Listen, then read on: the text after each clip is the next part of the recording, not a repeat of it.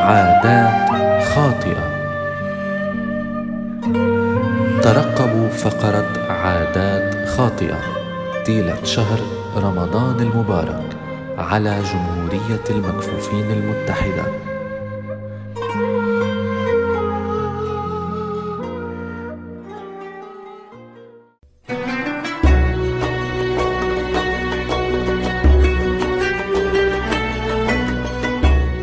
سيداتي أنساتي سادتي. أسعد الله أوقاتكم بكل الخير. مرة أخرى نرحب بكم على قناتكم جمهورية المكفوفين المتحدة ونهنئكم بحلول شهر رمضان المبارك.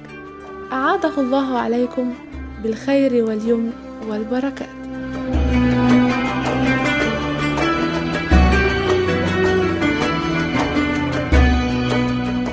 نحن اليوم على موعد مع حلقة جديدة من حديثنا عن العادات الخاطئة التي يقوم بها البعض خلال الشهر الفضيل. محاولين وإياكم تصحيحها قدر ما استطعنا.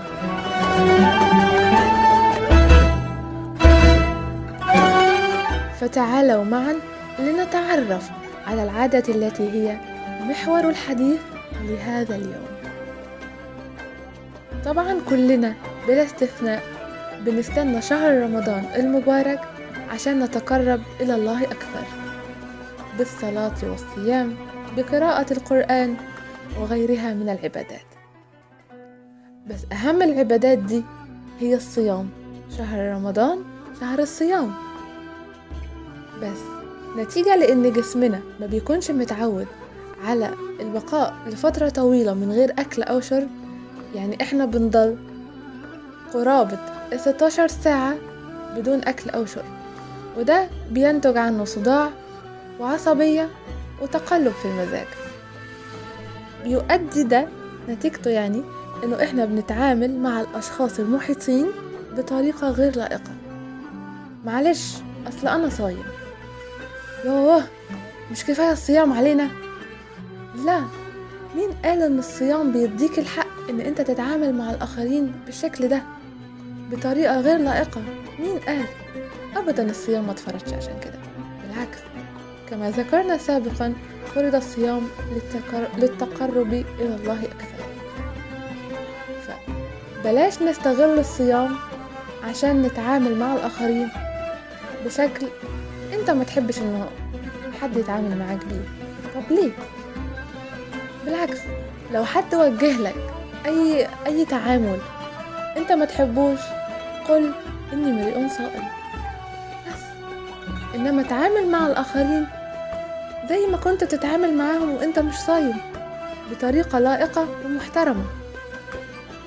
عشان نتقرب إلى الله أكثر وعشان يعد الصيام علينا ونحس إن إحنا فعلا تقربنا إلى الله.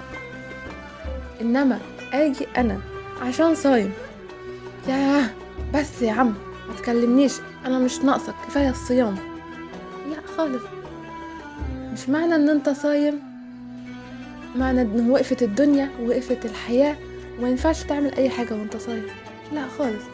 تعامل مع الآخرين بشكل طبيعي مارس حياتك بشكل طبيعي.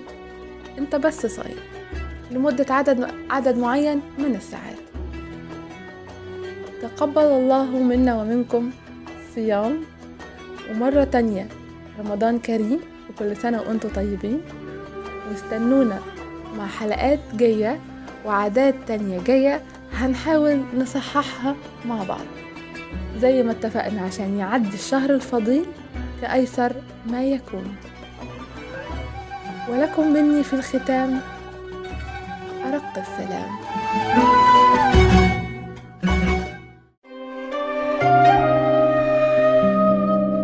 عادات خاطئة. ترقبوا فقرة عادات خاطئة. طيلة شهر رمضان المبارك على جمهورية المكفوفين المتحدة.